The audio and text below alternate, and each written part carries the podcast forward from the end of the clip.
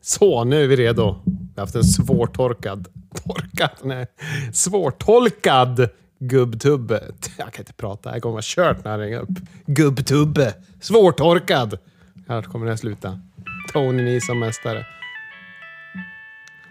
Halloj!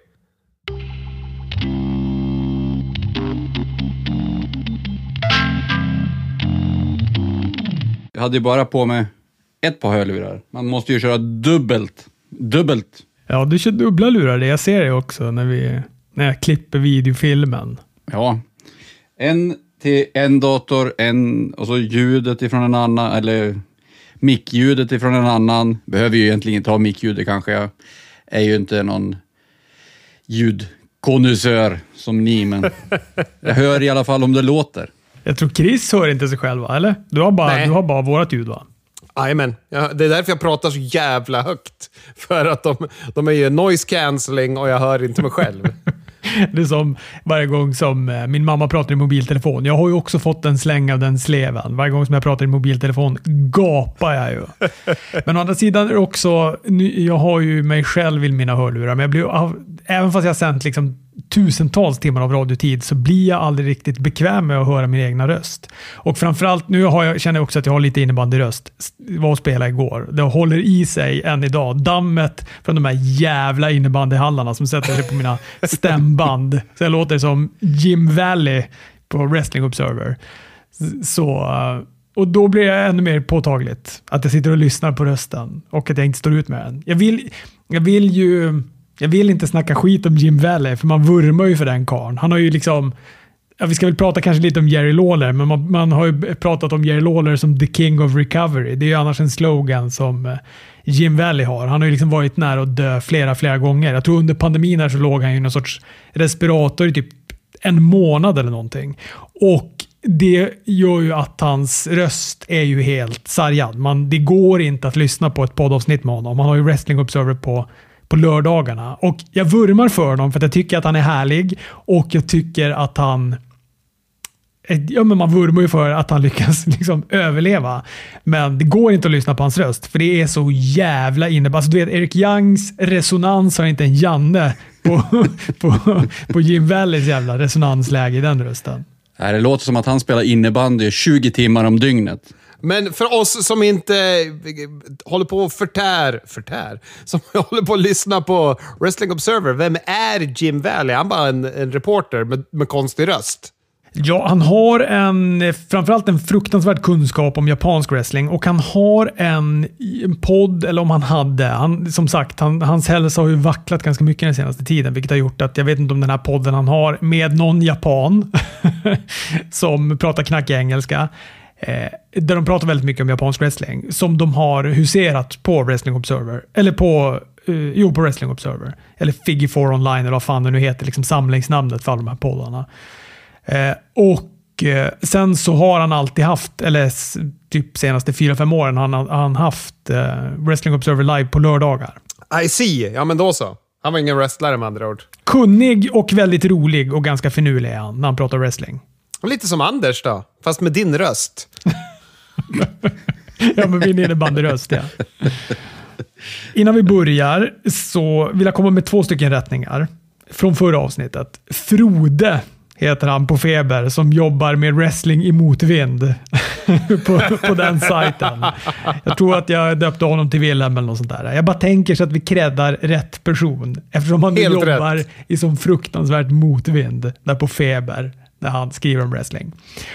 Och två, Daniel lyssnare Daniel, kära Daniel, som påpekade för oss att The Outrunners, som de heter då, Truth Magnum och Turbo Floyd var 2000-talets Beverly Brothers innan jul, var han inne på det här. Tipsade om det. Jag nämner det lite i förbifarten när vi ska prata om att Serpentico firar 100 segrar eller något sånt där. Nej, förlåt. 100 förluster.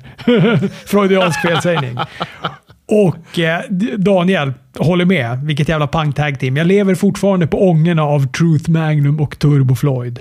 Du ser, det, så går det när man ska berätta om saker när Serpentico får sin hundrade förlust. Det är ju som dömt att försvinna i bakgrunden i den här podden. Så ett tips till nästa gång. Skriv inte om Serpentico då. Då lyssnar vi bättre.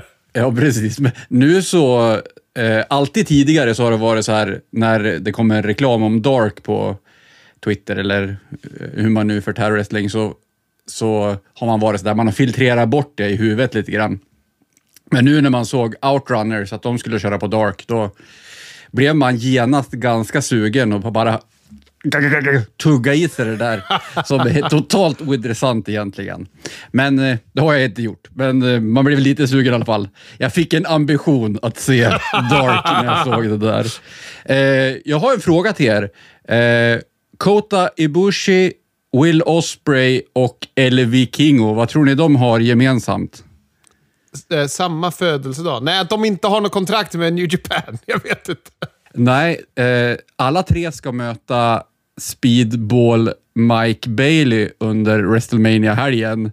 Kota Ibushi och Will Osprey ska möta Speedball samma dag. Oj! Eh, så att han har en ganska eh, rejäl helg, Speedball Mike Bailey, när WrestleMania är. Men vadan detta?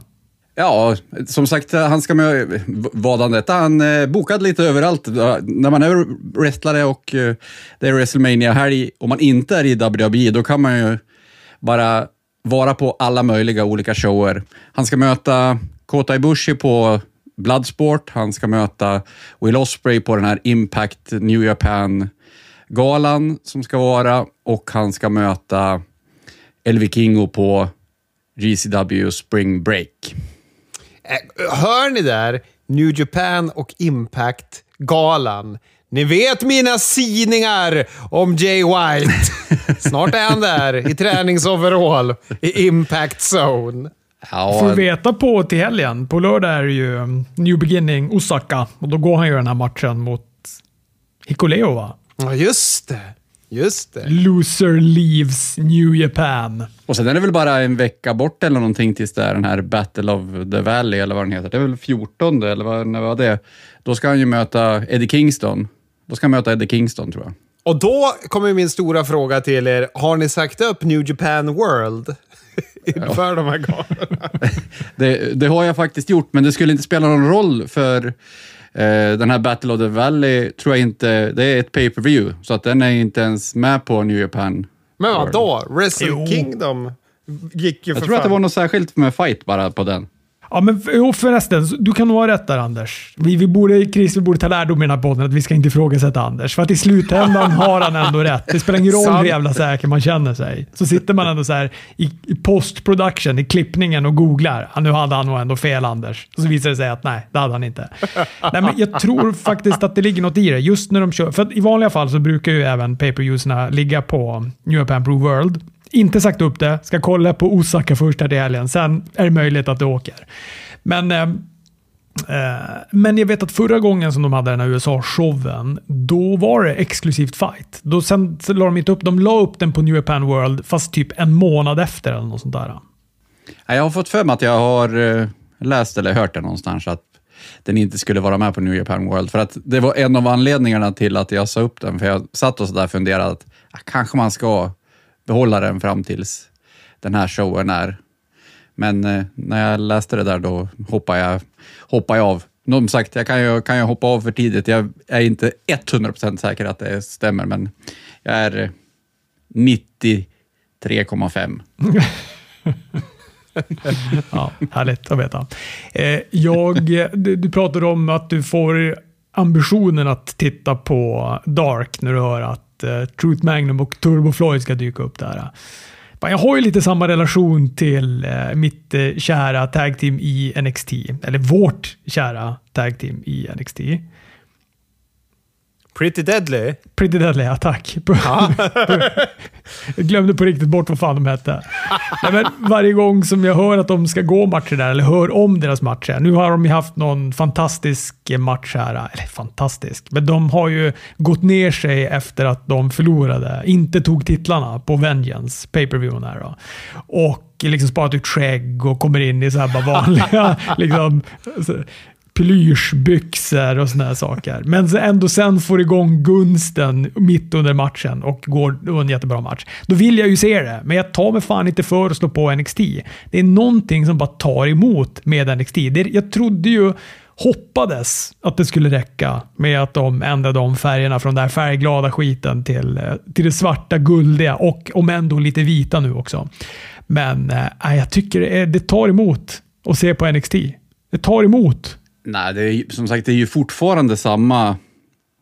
Även om de har ändrat loggan så känns det som att det är exakt samma eh, liksom belysning och allting. Det förra var ju ganska mörkt och sådär också. Man, man, får liksom inte den här samma känsla som det har varit tidigare. Eh, det enda gällande NXT som man har sett i veckan är ju när JC Jane turnade mot Gigi Dolan. Dolin heter hon kanske. Eh, när det var The Rockers-turnen, mer eller mindre. Eh, fast hon skulle kasta henne genom en, genom en dörr istället för ett eh, frisörsfönster. Eh, så, och dörren ville inte riktigt vara med, så hon sparkade henne hårt i ansiktet. Bara. Med en fas på hårt. Hon hade väl typ eh, avtrycket av foten kvar i ansiktet när de filmade, när de gick närbild på henne sen. Så det var riktigt, riktigt hårt. Men det var kul att de eh, gjorde en sån eh, rockers pastisch. Bailey var ju där och agerade Brutus the Barber Beefcake. Det här har ju jag inte sett, ska jag säga. Jag har ingen ambition att se det heller. Jag tycker om när ni berättar saker så att jag inte behöver se det. Nej, men jag, har inte eller jag har sett klipp från det, men jag har inte sett hela NXT-showen. Det har jag inte gjort. Men hörni, fan. WWE, vilken stekhet produkt det är i övrigt utöver NXT. För NXT, det är supersvalt nu, tycker jag. För att main roster-produkten är super, super het just nu. Ja, så är det ju sannerligen. Publiken den här veckan var ju som den inte har varit på hur många år som helst känns det som. Jag är också så imponerad över hur eh, tam de har fått publiken på senare år. VV. Eller på senare år, vad fan säger jag? Senaste, vad är det då, sex månader? När tog Triple H över? Är det ett halvår sedan eller? Ja, det är nästan ett år. Nej, är det bara ett halvår kanske? Nej. nej jag kommer inte ihåg när han drog. I juni, juli, när var han drog? Ja, det var i slutet på sommaren tror jag. Kanske augusti, september och sånt där. Ja, skitsamma, men det känns i alla fall som att senaste tiden så har publiken blivit såna riktiga tamkatter. Jag menar, jag tänker på Eh, nu ska vi se, var det Cody som drog upp AW i den här fantastiska promon, som han då, eller i den här tätta tätten som han har med Paul Heyman på Raw. Mm. Där han då säger något i stil, han nämner ju inte AW, men han säger något i stil med “Jag var någon annanstans innan och ställde till lite oreda”. Och du vet, då spetsar man ju öronen för att tänka nu, nu kommer de ju börja, nu kommer det börja bubbla AW-chants. Men det gör ju inte det. Det blir inte ett jävla ljud om det. Så antingen har de blivit väldigt tama, eller så har alla rebellerna slutat kolla på VV. Eller i alla fall gå på VVs liveshower. För det är ingenting sånt där nu för tiden. Förut var det badbollar och simpunk, rop om vartannat. Men har de inte, har de inte förtjänat lojaliteten? Är inte det det som är grejen? Att nu har de helt plötsligt fått lojala fans, för fans har någonting att eh, liksom hänga med på. Nu är det schysst och gilla WWE. Nu, nu kan jag vara stolt på något vis. Nu behöver jag inte vara rebellen och visa misstycke och ropa CM Punk när jag tycker det är tråkigt. Eh, utan nu kan jag bua när jag ska bua, jubla när jag ska jubla och så vidare. Jag tror också att det har lite på eh, vem det är som är i ringen. Eh, de är ju trogna, trognare vissa än vad de är andra om man säger så. Då. Jag tror att om, om det skulle vara Eh, ja, vem ska man ta? Elias. Om det var Elias som tog upp någonting om AW så kanske de inte skulle vara lika lugn med honom. Eh, de, de söker liksom någonting som är roligt att göra, men när det gäller Cody och eh, Paul Heyman, då är de väl så uppslukade i vad som ska sägas eh, och vad som kommer. Så att jag tror att just de klarar sig nog undan, att publiken vänder sig emot dem. Liksom. Men jag, jag, tror nog att det ligger något i det Chris säger också. För jag tror att är, det är så att är det att de har börjat gilla produkten så pass att de tycker att så här, de förtjänar inte att, eh, att bli behandlade på det sättet som vi skulle kunna behandla dem. För jag menar, när det var som värst, då var ju också publiken som mest jävla rabiata. De, de, de, ja. de fick ju inte, alltså det var ju inte Alltså ett snedsteg och simpunk-känslan var där. Eller de här jävla badbollarna. Eller bara några andra trotsrop som de höll på med. Men jag känner ändå att ibland så tror man att man är eh, i New Japan under eh, Raw också. För alltså... Tycker du? Jag tyckte fan publiken var helt hela Raw här den här gången. Ja, ja, kanske den här veckan. Men vad heter det? Jag tycker att som sagt det är utvalda segment som de är heta på. Sen så är det lite crickets på andra. Men eh, ja, så är det väl på alla i och för sig. Men jag tycker att eh, WWE eh, har ganska mycket som är plant, även fast de är bättre nu än vad de har varit på länge. Alltså jag litar inte på publikhjulet på, på Raw och Smackdown. För det är ju så ofta som man hör det där mekaniska sorlet. Och det vet man ju är pålagt, för det, det existerar ju inte. Nej. Men AEW har väl ändå kanske den mest rättvisa eh, publik eh, ljudspåret. alltså där hör man ju typ, ifall folk är helt ointresserade, då är det fan knäpptyst. Och är de på banan, då, är de, då går de banan, alltså då hörs det också. Och då blir det ju en helt annan typ av dynamik i publik kontra, publikljud kontra det jag tittar på. I WWE är det ju inte det. Man bara, jag ser en skittråkig grej och så hör jag bara Åh! du vet, det här konstiga, konstiga, konstiga statiska sorlet. Det, det rimmar så dåligt med det jag tittar på. Mm. Men eh, händelserik vecka i WWE får, väl, får vi väl ändå tillstå. Jag tyckte Smackdown var jag tyckte Smackdown var fascinerande. Det är framförallt väldigt fascinerande med Ricochet och Braun Strowman som nu då vann och är i finalen i den här tag team-turneringen mot Imperium. Så de ska nu möta då Usos om Smackdown Tag Team-titlarna och då ska det tilläggas att Ricochet och Braun Strowman inte ens var med i den här turneringen från första början. Utan det var liksom Drew och Sheamus. De skulle gå en match mot vilka det nu var. Och då kommer ju Viking Raiders och hoppar på dem bakifrån. Och då kan liksom inte Drew och Sheamus men de kan bara inte vänta. Utan de måste, de måste lämna walkover i den här turneringen och ge sig efter Viking Raiders. Och då får eh, eh, Ricochet och Braun Strowman hoppa in då i, i Drew och Sheamus eh, ställe, vilket är så jävla märkligt. Hade de inte bara kunnat gå den matchen och sen sätta efter Viking Raiders? Det var inte heller så att de fick Viking Raiders samma kväll. Alltså de fick ju ingen vendetta på Viking Raiders för att de gav upp sin plats i den här turneringen. Utan äh, de fick bara springa efter och sen fick de ändå vänta till nästa vecka innan de kunde konfrontera dem. Och var det, var det planerat, alltså är det någon skada som har gjort att det eh, har blivit så här? För att det känns väl som att det var, planen måste väl ha varit från början att Seamus och Drew skulle vinna? Eller var det här planen ifrån början att de skulle liksom bygga upp någon annan framtida fade av det här? Jag vet inte, men eh, det känns liksom som hur, hur ska man känna som de andra personerna som är med i den här turneringen? Så bara, om för, först så skulle Drew och Sheamus vinna. Så bara, oj, det här hände. Vi plockar bort dem. Äh, då måste vi plocka in några andra och det är de som ska vinna. Ni andra som är med i turneringen, ni är bara kroppar som har varit med i turneringen. Men har de inte bara märkt att eh, Braun och Ricochet är ganska över? De var ju jävligt över på Smackdown. De fick ju bra med chants och publiken var ju med hela tiden i matchen. Men det känns som att de borde väl kunna ha varit med i den här turneringen ifrån början. Har de så många... Eh, Ja, men de kanske hade, hade inte märkt det, att de var över då. Jag, jag ger Triple H the benefit of a doubt här. på, på en vecka så gick de ifrån att vara det nionde mest över tag teamet till att vara så över så att de måste vara med. Jajamän! Vinna ska de göra också. Uh, Braun. Han, han vill jag inte ha med på min TV. Nej, men han var faktiskt helt okej den här veckan. Alltså, jag tyckte inte han var klappkass i den här matchen. Alltså, han var ju inte grym, men han betedde sig.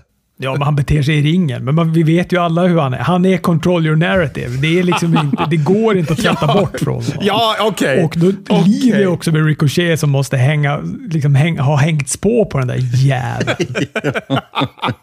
Ja, precis, undrar hur det är. De var, han var så här, skulle stå upp emot honom från början och sen så bara okej, nu ni tycker inte riktigt om varandra här. Då måste vi sätta ihop er, ni måste bli kompisar, okej?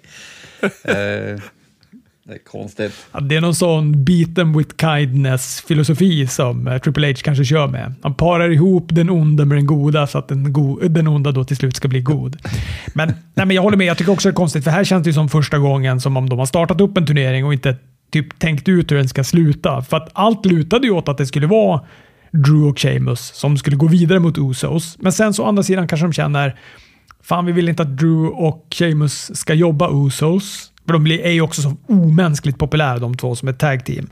Men å andra sidan kommer de då vinna över Viking Raiders. Vad, vad är det för liksom... Det är det spiken i kistan för Viking Raiders. Då är de maximum male mödels helt plötsligt. Den 42 spiken i kistan för Viking Raiders dessutom. Ah, fy fan. Men ja, nu kommer väl Sheamus och Drew vinna över dem. Det tror jag. Ja, det måste de ju göra, men det är konstigt för Viking Raiders. Som ändå känns som att de vill... De, de har ju satt dem mot Drew och Sheamus för att eh, de ska få lite kredibilitet. Känns det som i alla fall. Men ja, jag vet inte vad fan. De, Hitrow hade de kunnat skita i den här jävla tag team-turneringen. De, eh, jag menar, då hade det väl kanske... Eh, Legado del Fantasma hade väl kunnat få gå vidare. Och, eh, eller by Imperium mot Usos. Det finns väl jättemycket mer bättre tag team de hade kunnat låta gå mot Usos. Ja, Legado del Fantasma är mycket bättre, men de är ju inte ens med på topp 8-listan över tag teams som har möjlighet att gå vidare. Nej, det är synd. Alltså, där har han tappat bollen. Ja, men det är konstigt att han tappar bollen med de där, alltså man ändå tänkte att Triple H verkligen vurmade för. Vi har ju sett Johnny Gargano på Raw också. Den bollen är ju... den har rullat långt bort ifrån Triple H nu. Och vad heter det, eh, apropå Raw, vad heter det, det var inte med på YouTube, men visst, eh, de har gett upp Baron Corbin och JBL nu va? JBL stack därifrån. Ja, han, han sa du är värdelös och sen lämnade han honom. Sen läste jag också någonting om att de har stekt eh, JBL på TV, att han inte ska vara med mer. Det är väl bra, men det känns ju som att, återigen, Baron Corbin, han drog det kortaste strået när Triple H tog över. Ja, han sitter ju bara och ber till gudarna att Vince McMahon ska komma tillbaka. Det drömmer sig tillbaka till sötebrödsdagarna. Och återigen en sån här sak, ska han bli över nu av att han ska vara dålig? Eh, så. ja, ja, fy fan. Men vi får Roman Reigns mot Sami Zayn på Elimination Chamber. Det blir spännande. I Montreal, fattar ni publiken? Helvete. Ja, där kommer vi snacka över. Shit. Ja, verkligen. Jag tyckte det var så jävla snyggt också. Roman klippte den här promon då på Smackdown. Och så kom Sami Zayn in från ingenstans, hoppar på han, fick in en spear och lite annat innan Solo och Jimmy Uso då kommer och tar ut eh, Sami Zayn. Och sen gav vi då Roman Sami några väl valda ord. han sa att eftersom du tog sönder min familj och min blodslinje så ska jag ta sönder dig inför din familj i Montreal på Elimination Chamber. Äh, jag tyckte det var så jävla snyggt. Och där gjorde han ju det Anders pratade om i förra veckans podd. Det Roman Reigns är en jävla mästare på. Han pratar inte i någon mick. Han pratar inte till publiken. Han pratar till Sammy, men kameran är där och fångar det. Och det är, det är fan magiskt när Roman är den där jäveln han är. Han är så jävla grym. Ja, det blir ju genast mycket verkligare på något sätt eh, när de pratar sådär. Tycker det är konstigt att eh, det inte används mer, eh, faktiskt. Jag lyssnade när det var en litteraturvetare som gick igenom Bloodline-storyn och hur den började sommaren 2020 och hur den har liksom gått från att eh, main event Jay Uso inte ville ha någonting med sin slemmiga kusin Roman Reigns att göra tills han spöade ner honom och förnedrade honom och fick honom att gå med i The Bloodline till att nu har det börjat bli sprickor i familjen och hur de hela tiden har hållit det levande och att Sami Zayn kom in som någon joker i en Shakespeare-pjäs och eh, alla eh, olika grejer som hände där. Men Roman började ju med det här eh, och var den här karaktären under pandemieran när han kunde prata sådär. För då kunde han ju prata lågt. Så han har ju gjort det där och fått det till sin jävla grej. Det som Jake the Snake gjorde så jävla bra till exempel. Men fler borde, fler borde göra det, men eh, som sagt, om det är hans grej så är det hans grej. Men fatta vad länge de har byggt det här. Alltså, om man ska dra det tillbaka till just när Jay och Roman höll på. Det är länge den här storyn har hållit på och den har ju varit fantastisk hela tiden. Man, man hoppas ju att det inte kommer alltså vara slutet på, på WrestleMania heller, utan man vill ju att det här ska fortsätta gärna ett år till.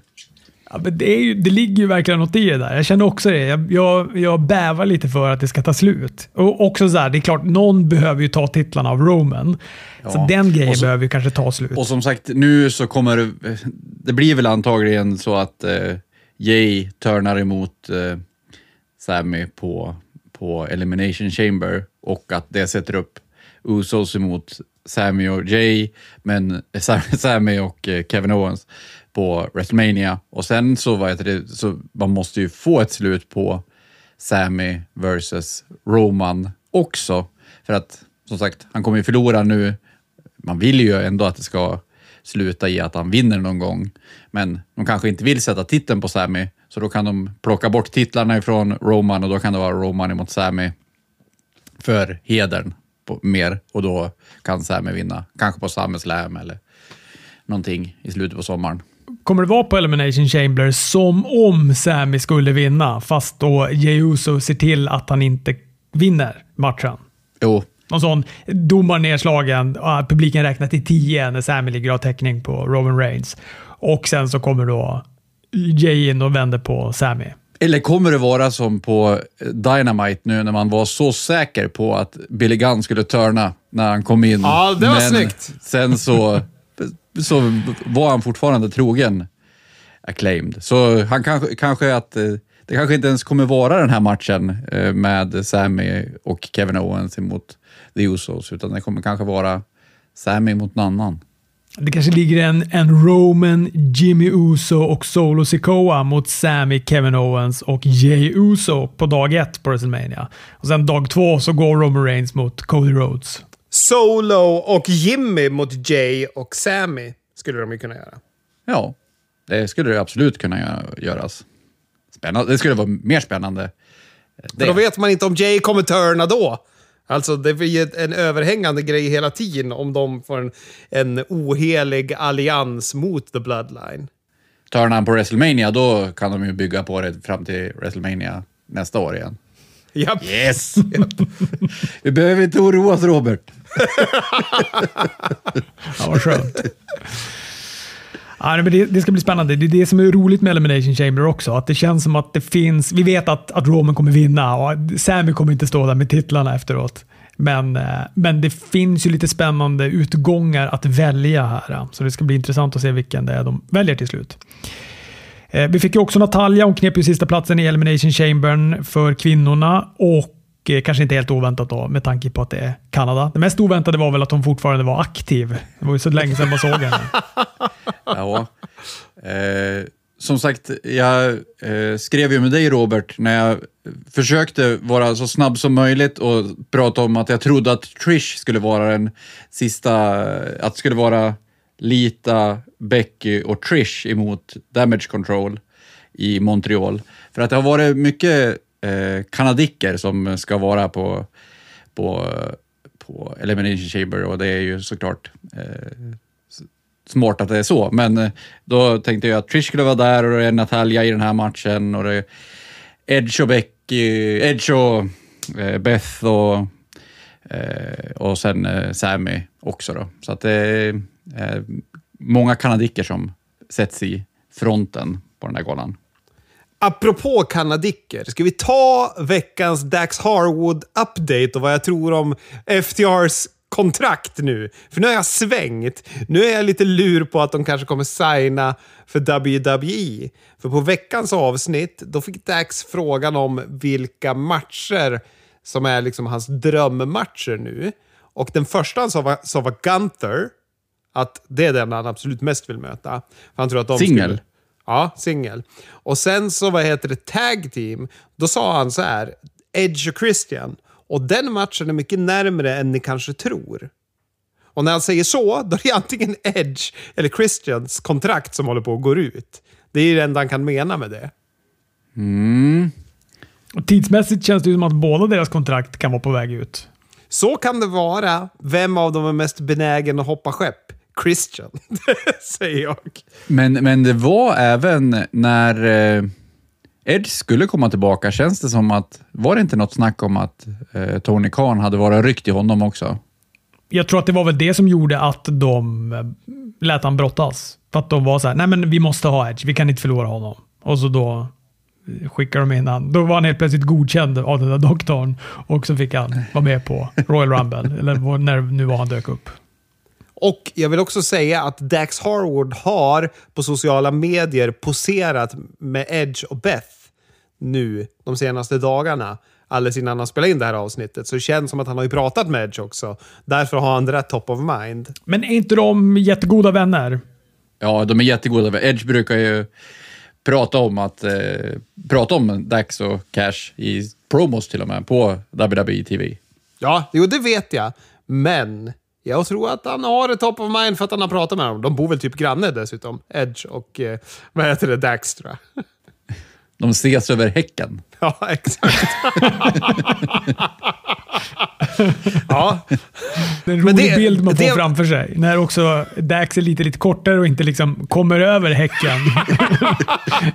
Det är bara hans ögon som tittar upp lite grann. Ja. ja, exakt. Gässan sticker upp över häcken bara.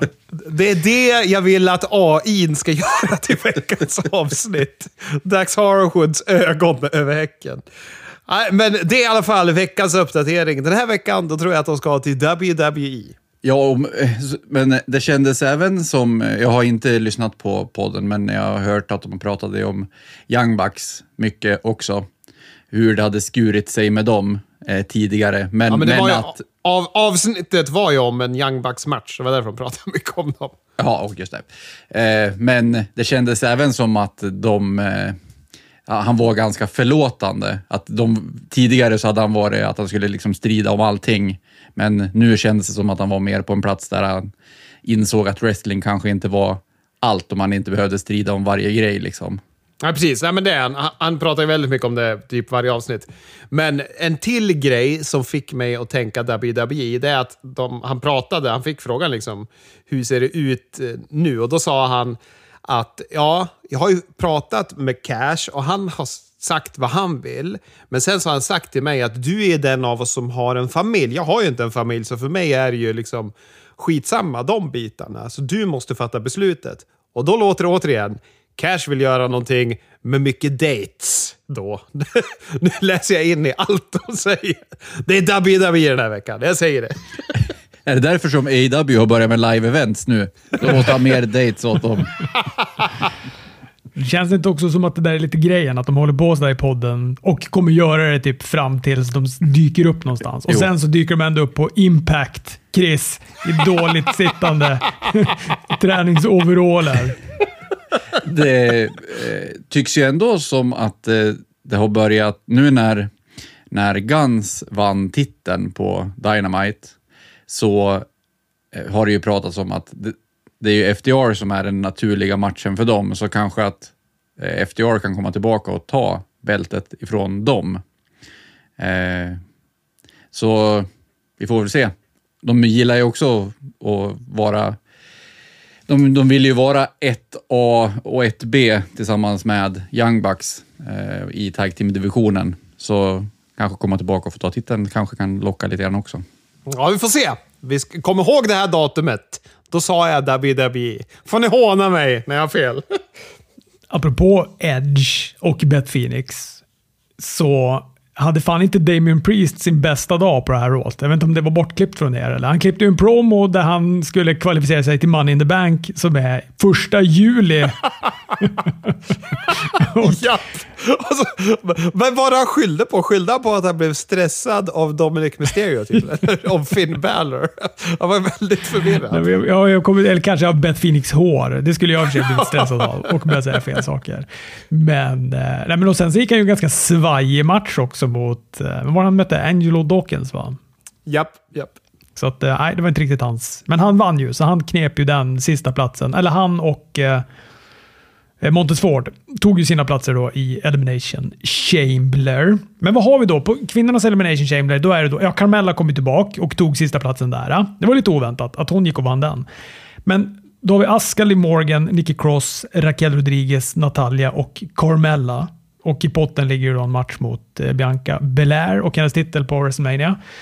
Jag tycker att det är svårt, för jag tycker ingen av de där namnen känns... Det ska väl vara typ Aska eller Raquel Rodriguez. Aska känns väl typ som det största main event-namnet. Men Raquel Rodriguez känns som det mest spännande namnet. Å andra sidan tycker jag ingen av de två känns som en bra parning mot Bianca Belair på WrestleMania.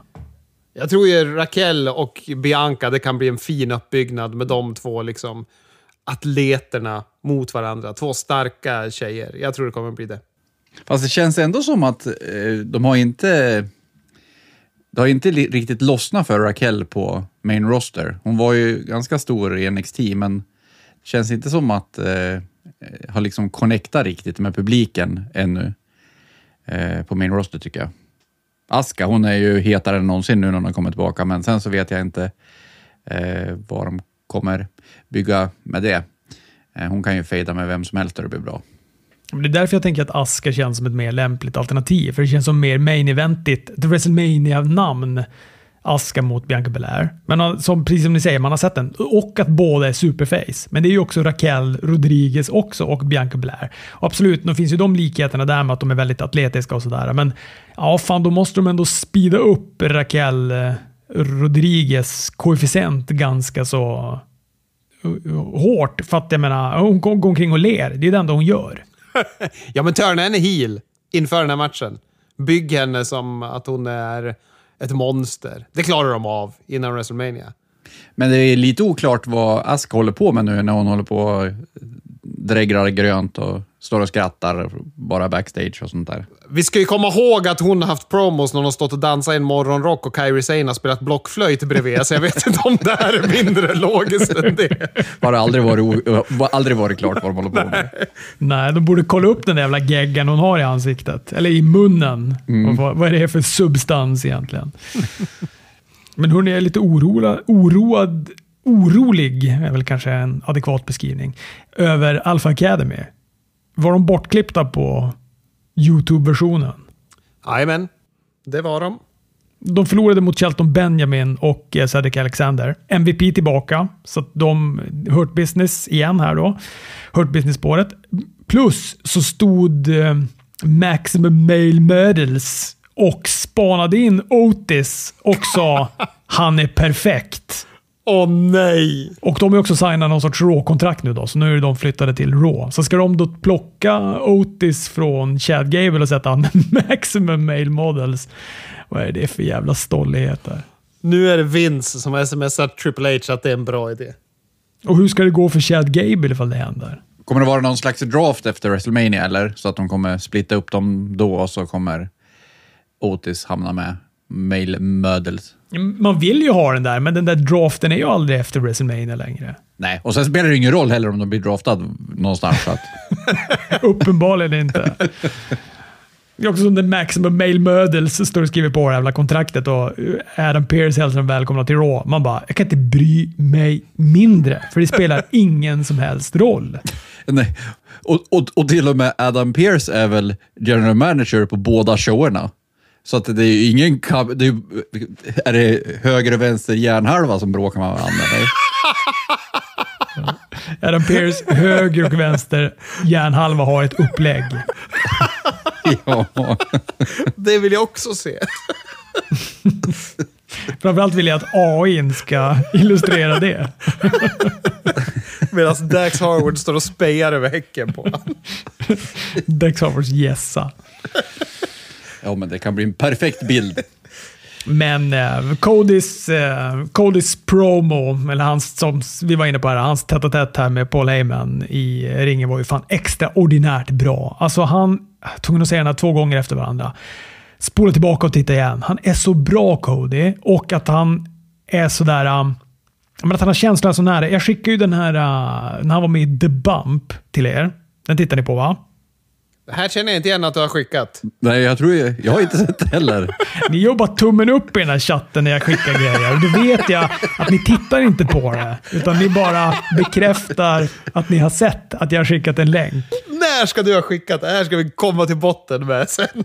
Han eh, var ju med i The Bump och eh, han har ju så himla nära till sina känslor. Han berättade om varför han pekar på WrestleMania skylten Jaha!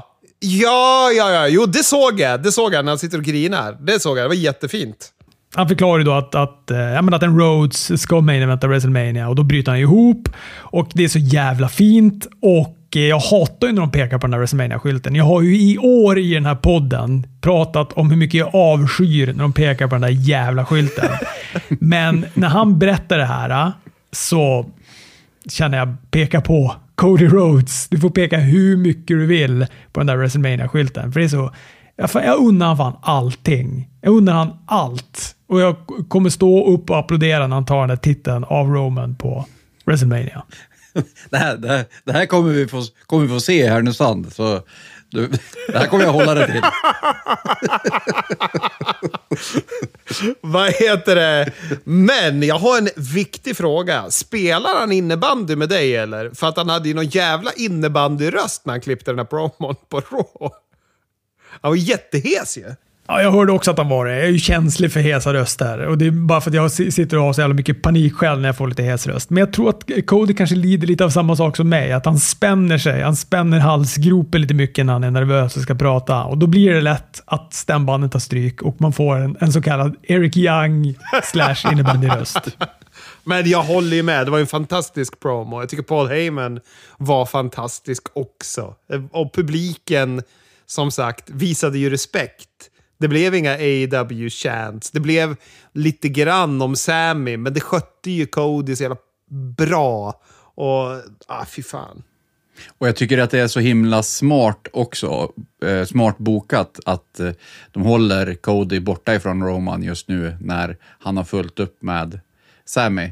Men då kan han ha fejden med Roman fast genom Paul Heyman liksom istället. Det funkar alldeles, alldeles utmärkt. Jajamän. Det var superbra. Det är jätte, jättebra. Och det är ändå sjukt att Roman Reigns kan vara delaktig i två superbra fejder samtidigt. Men visst spricker han på riktigt här? Uh, vad heter han? Paul Heyman? När, när, de pratar om, när de pratar om Dusty? Ja, så när han blir tårögd och, och, tapp, ja, och tappar talförmågan och sådana saker. Eller är det spelat bara? Nej, det är spelat tror jag. Han känner nog mycket, men eh, som sagt, nog är det väl bestämt säkert, men han är ju en bra skådis. Men det kändes så utanför hans karaktär. Han, han, är ju, han, han eh, har, har, väl varit... Eh, lärt sig att vara en bra skådis när han säger att han ska betala folk backstage och sånt där. Men sen så brottas de och sen så, ja, jag betalar det sen, hej då. Han kan det här med att skådespela. Det var roligt. Det var många som påpekade det när Cody hade pratat om den här. Att han hjälpte Dusty ekonomiskt om han dök upp på ECW TV. Och alla bara okej, okay, då var han den enda som han hjälpte ekonomiskt om han dök upp på ECW TV. Ja, jag vill tro att det var på riktigt i alla fall. Jag tror inte att han har ett hjärta av sten. Jag hade också brutit ihop ifall jag hade stått där med Cody och hört han berätta sådär om pappa Dustin. Dusty apropå Paul Heyman och Sami Zayn så berättar Eric Bischoff i sin podcast att den tiden då, den korta tiden då Eric Bischoff var vad heter det, ansvarig för Smackdown, då hade de ju suttit och så här fördelat brottarna, vem ska vara på vilken roster. Och då när de kom till Sami Zayn, då var det så här bara, ah, ja, men han skulle nog passa bra hos dig. Nej, nej, nej, nej, nej, nej men ta honom du. Nej, Nej, men han skulle vara jättebra hos dig. Och Paul Heyman försökte verkligen slingra sig ur och behöva ha med Sami Zayn att göra. Vad konstigt. Jag trodde verkligen att han var en, en uh, Paul Heyman-guy, Sami Zayn. Det är ju ty- han är ju tydligen lite intensiv. Att han, vad heter det, han... Om han får tag i dig, då slutar han inte prata. Och sen så ska han berätta hur han vill göra saker. Och så pratar han och pratar och pratar. Han och DDP är tydligen väldigt, väldigt lik varandra i den aspekten. ja, men fan, apropå gässan som knappt kommer över häcken. Jag såg något YouTube-klipp med Dax där han pratade om Sami Zayn. Om typ hans första hans första möte med Sami Zayn. Typ när de hade båda varit och gjort en tryout för NXT och han bara, typ Sami Zayn hade bara Ja, jag är chockad över att ni klarade det. Eller så där. Det var typ det första han hade sagt till, till Dax Arvard som bara, vad är det för jävla tjomme? Varför säger han sådär? Han har ju inget filter. Det är det som verkar vara liksom problemet med honom. Jag har ju träffat Sami Zayn en gång. Hängt med honom backstage. Hade han något filter? Nej, han var, nej, han var. Han var så jävla, jävla trevlig. Och du var ju jag ingen wrestler, så att det, det var inte så att jag hade den, den, den eh, stör, största konversationen med honom. Men jag märkte att han var ju väldigt mån om att eh, hjälpa de andra i Stockholm Wrestling som det var eh, i det här tillfället då, för svinlänge sedan. Ja, just det. Vad härligt. Men han verkar ju sympatisk, men intensiv. Jag har eh, bara skrivit om den gröna sprayfärgen från Saraya och Tony Storm på Rampage. Och eh, ja, de mördade ju stackars eh, Renegade Twins och sprädde ner dem efteråt. På sant outsider-manér, så då var du glad Anders, med den där gröna sprayfärgen. Men den där gröna sprayfärgen återkommer ju i Dynamite, så har ni ingenting mer att säga om Rampage så tycker jag vi lämnar det och går till Dynamite istället. Innan vi går till Dynamite, kan inte vi bara prata lite om att Jerry Lawler fick Jimmy Hart-kort? vi kanske ska näm vi nämnde det bara i förbifarten på introt att Jerry Lawler har ju råkat ut för en stroke, eller? Vad var det han hade råkat ut för? Ja, han fick en stroke. Precis, men han verkar ju vara på bättringsvägen nu. Och då skickade ju Anders i våra chatt bilder på när Jimmy Hart kommer med Jimmy Hart-kort till Jerry Lawler. Ja, jag tänkte först att det skulle vara liksom så här eh, get well wishes till Jerry Lawler, men det var ett kort och så var det typ något hjärta och så står det Jimmy mitt, mitt i, i bilden. Så det känns... Han kanske i och för sig gav kärlek till Jerry då, men det var konstigt att det såg ut som att det var fanmail till Jimmy Hart som han höll på att visa upp för honom. Kolla vad jag har fått! Det är så mycket som är roligt med den där bilden, för den kommer ju också i kontexten av att så här, ah, en uppdatering om Jerry Lawler. Han är på bättringsvägar. Och då den här bilden på Jimmy Hart som sitter exakt då med det här hjärtat där det står Jimmy Hart. Visar upp någon bild på Jerry Lawler och Jimmy Hart som har med det här. Det är, och det är som att han säger jag har inga grejer att ta med till Jerry Lawler, så jag plockar med lite från min fanmail-låda istället. Han tänker såhär, Jerry Lawler, äh, han är lite stekt just nu. Han kan inte prata, han vet knappt var han är och sådana saker. Så det spelar väl ingen roll ifall jag tar med lite hjärtekort där det står Jimmy Hart på. Han kommer inte kunna Han kan inte läsa. inte än på ett par månader. Jag tror att vad heter det, han, Jimmy, Jimmy skulle vara den bästa personen när det är någon som inte kan prata riktigt. Då om man liksom ska ta in en person, han kan nog hålla låda ganska bra. Det är han och Sami Zayn som tävlar med varandra över att vara en person som man skulle kunna ha i ett rum som bara pratar i 14 timmar. Ja, nej men det är bra. Man kan ju skratta och, det och, skoja om det här för att man vet att han är på bättringsvägar. Och att han ska väl bli helt återställd också, sägs det. Så att, eh, det verkar ju gå bra för, för Lawler. Ja. Men nu Dynamite för tusan. Och här, om jag tyckte att WWE hade fått igång publiken lite, så i El Paso i Texas, där var de fan helt galna ju. Ja, eh, men vi hade ingenting om Rampage mer att säga va? Vi, Nej! Vi konstaterar bara att Rampage är i desperat behov av kärlek av Tony Khan. Ja, och, jag, och jag tycker det är lite... Eh, jag är lite mindre uppspelt för den här kvinnliga NWO-angle nu. Eh, det känns som att nu har de bara kopierat NWO. Eh, de ska spraya, de, hon tweetar ju ut att vi är inte här för att... We're not here to make friends, we're here to take over. Det var väl också någonting som Scott Hall sa eller någonting. Så det känns som att det är bara så här... De har tagit allting därifrån. Jag är också så, så, jävla frustrerad över att de går omkring och säger loser och gör L i pannan. För det är så fruktansvärt gymnasialt och fånigt. Alltså till och med för wrestling är det fånigt att göra den gesten. Den måste upphöra. Och att de gav sig på Liva Bates. Som ingen har sett på tv på 300 år. Nej, men exakt. Det, det, är ju ingen som bryr sig att de ger sig på Liva Nej. Bates och gör den där grejen. Det spelar ju verkligen ingen roll. Och de där Renegade Twins också. Det är väl ingen som bryr sig där heller. Nej, ta ut fan Hikaru Shida, Nyla Rose, även om hon är heel. Ta ut liksom några som är namn. Originals i alla fall. Men jag och Chris, en toppenpublik i El Paso. Men också lite märklig. Den här snubben i publiken som hade en stor Breitling-klocka över armen. Såg ni honom eller? Nej. Det var som att han hade varit inne i någon så klockaffär och köpt lös interiören. Alltså han, han behandlade den som om det var ett wrestlingbälte. Det var ett stor, stor jävla klocka bara över, över axeln. Det såg jag. Jag trodde nog att det var ett bälte i sådana fall. Men Takeshita mot MJF, det var en toppenmatch. Oh ja. Och eh, väldigt het publik och väldigt delad publik gällande MJF. Ja, han, som sagt, han är ju så bra på det han gör. Eh, och man blir alltid lika överraskad över hur bra han är på att brottas varje gång som han kör en match också. För att han är ju hemskt bra på micken. Så man glömmer ju bort hela tiden att han är bra på att brottas också. Eh, den här volten som han gjorde ifrån topprepet och, och bara körde på, ställde sig på fötterna och körde på igen. Eh, ja, han är atletisk. Och så jävla bra form. Hans eh, magrutor där alltså, de är inte att leka med. Han är ungefär lika lite kroppsfett som Sundsvalls Billy Gunn, den där jäveln. Inte en Ja. kolhydrat på tio år. Nej. Ja, jag var det såg nog Sundsvalls Billy när jag var där i Stockholm. Han åt ganska många kolhydrater. Eh, men det var väldigt, väldigt mycket eh, MJF på det här Dynamitet. Lite för mycket nästan, tycker jag. Ja, jag bröt ihop lite. Ja.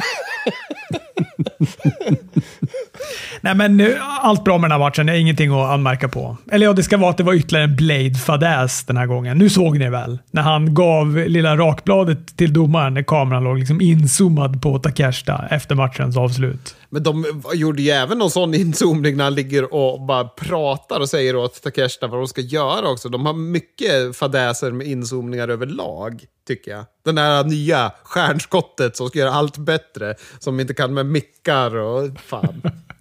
Han kommer, men han har med sig en bedrövlig ljudtekniker och en bedrövlig bildproducent, verkar det Ja, som. så är det verkligen. Men skit i det. Matchen var mumma, så det är små Ja, detaljer gud, att ja. anmärka på. Gud ja, väldigt, väldigt bra.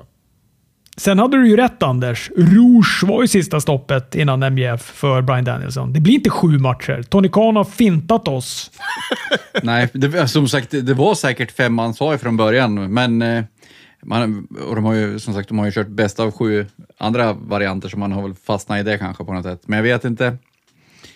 Eh, det var ju en jätte, jättebra match, eh, Brian Danielson mot Rouge också. Det måste nog vara den bättre, bättre matchen av eh, Rouge som man har sett. Men, eh, men eh, lite sådär antiklimax att det är han som är det sista eh, hotet tycker jag. För så bra har de inte byggt upp Rouge.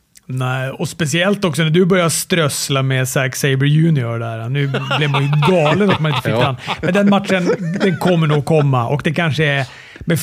Om man tänker efter så kanske det är vettigare att det är en typ pay-per-view match istället för bara en dynamite match där han ska... För jag tror ju också att Zack Sabre Jr. kommer få gå över Brian Danielson. Ja, det är vi väl överens om, tror jag. Att, om Brian Danielson får bestämma i alla fall. Sen kan ju Tony Khan komma och tycka att nej, nej. Ja, nej, men eh, som sagt, den kommer väl vara på Forbidden Door istället när eh, eh Brian Danielson har förlorat mot MJF. Och, så att han kan gå vidare ifrån det programmet. Men då måste de fan nästla bort vad heter det, Impacts klor ifrån New Japan. För nu verkar de ju vara långt ifrån AEW igen. Det är mycket frågetecken kring det där samarbetet mellan AW och eh, New Japan. Men för, visst har du Chris pratat om att Impact och AW, det är, det är slut. Den dörren är svinstängd just nu. Ja. Haspad. Jajamän. För det var ju när... eh, Ja, men det var väl när Jericho skulle möta en massa folk, va? Som, att, som de sa nej. Har för mig.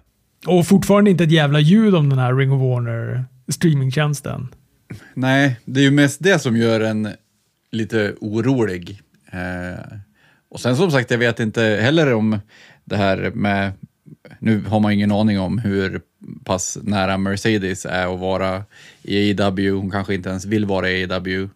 Men om de hade haft ett bra samarbete så kanske de skulle kunna använda henne också. Men eh, de kanske håller på henne av någon anledning också. Men, eh, som sagt, och att han har pratat så stort om att det skulle annonsas saker efter Wrestle Kingdom och sen så har man inte hört ett jäkla skit. Eh, och så nu så ska de ha tillsammans med, med eh, Impact istället. Det har skurit sig lite tror jag. De blev arg när de hörde att han var intresserad av Kota Ibushi. Det var det som var sista droppen. Ja, det kan mycket väl vara så. Men jag har också för mig att jag hörde dig Meltzer prata om att de hade börjat spela in en massa Ring of Warner-episoder. Typ för tre veckor eller något sånt där. Eller om de ska göra det snart. Och då borde det väl ändå betyda att de ska stänka igång den där tjänsten. Ja, det måste det ju göra. Ja, det börjar ju, det närmar sig ju snabbt. Eh, Supercard of Honor, så att... Det är också lite oro, oroväckande att eh, man inte kan ladda ner appen i Sverige. Jag kommer inte åt den i iOS. Jag kommer inte åt den på Apple TV. Det kunde jag ju förut. Men man kan logga in på hemsidan och på så sätt signa upp sig och titta. Men de har ju en app. Men det är bara att vi verkar inte komma åt den härifrån. Är det DAZN som kommer ha Ring of Honor också? Ja då, de ska allting de. Men eh, Dynamite, har vi något mer att säga om det? Jag vill säga att Tony Khan också fint oss när det gällde Ricky Starks. Här satt vi förra veckan och skrockade om att han, skulle, att han återvände gamla recept. Men tji fick vi när Ricky Starks inte kom längre än två i den här Guevara-Garcia Gauntlet-matchen. Angelo Parker och Matt Menard var rätt snabbt avklarade, men sen i matchen mot eh, Garcia med de nya läderbyxorna. Vi har ju inte liksom pratat om det, att han har fått nya läderbyxor av Sammy Guevara. och det är fantastiskt. Och att han går omkring med de här. Och att kommentatorn också påpekar att han har de här nya läderbyxorna på sig. Japp. Underbart är det. Men mitt i den matchen då så dyker någon tjomme upp i publiken med mask och ger, han, ger Ricky Starks en armbåge, vilket gör att han då förlorar. Och så visar det sig då att det är Chris Jericho när han tar av sig masken. Precis, det var han som återanvände gamla recept istället. Precis.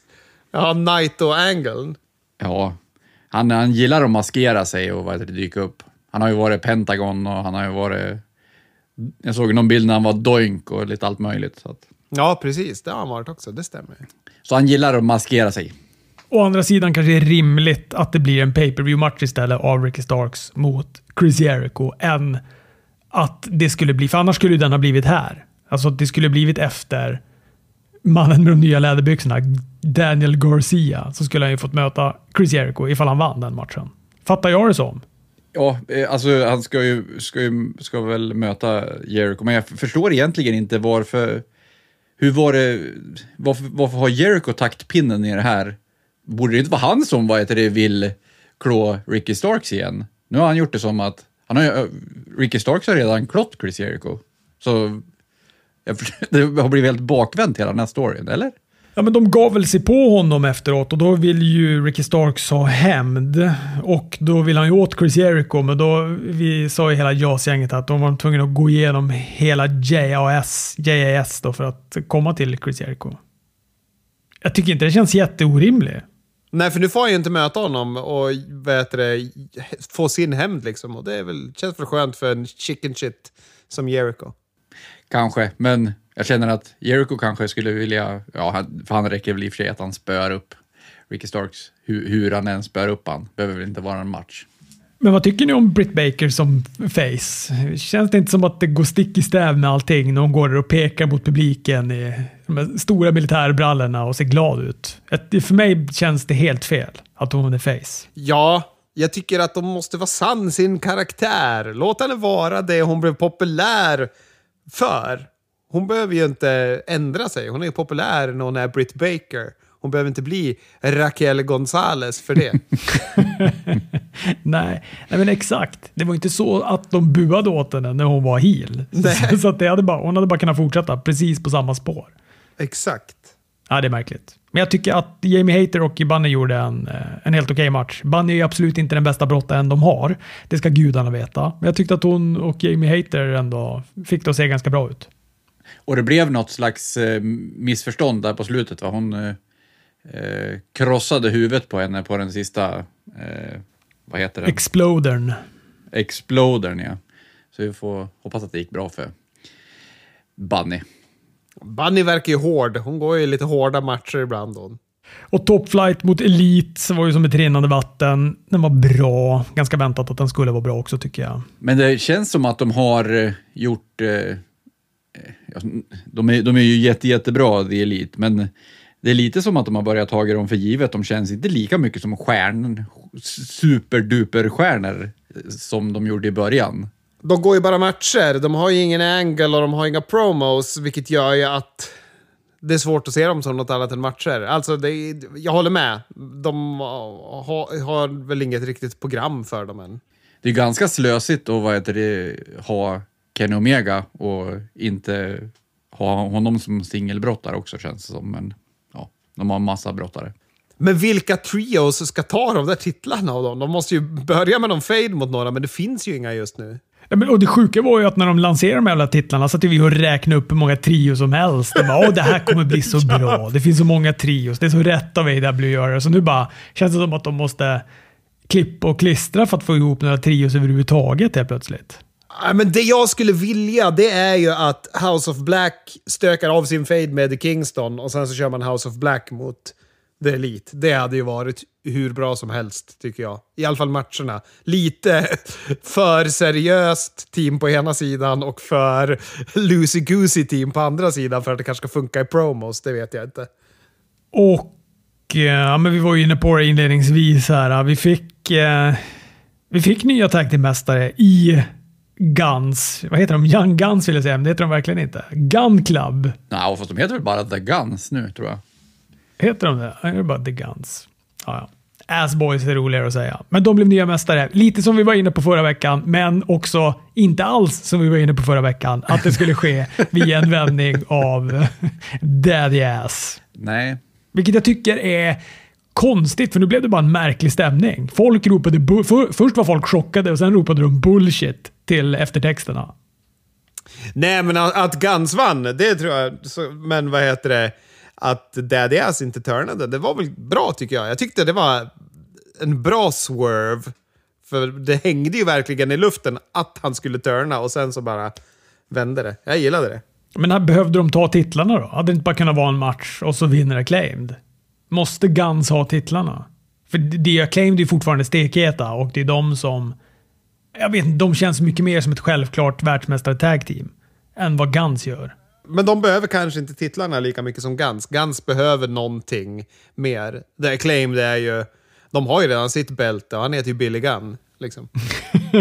Ja, och sen, sen, sen som sagt, eh, de eh, kan ju göra en sån här liten, eh, bara att de behöver flytta bältena.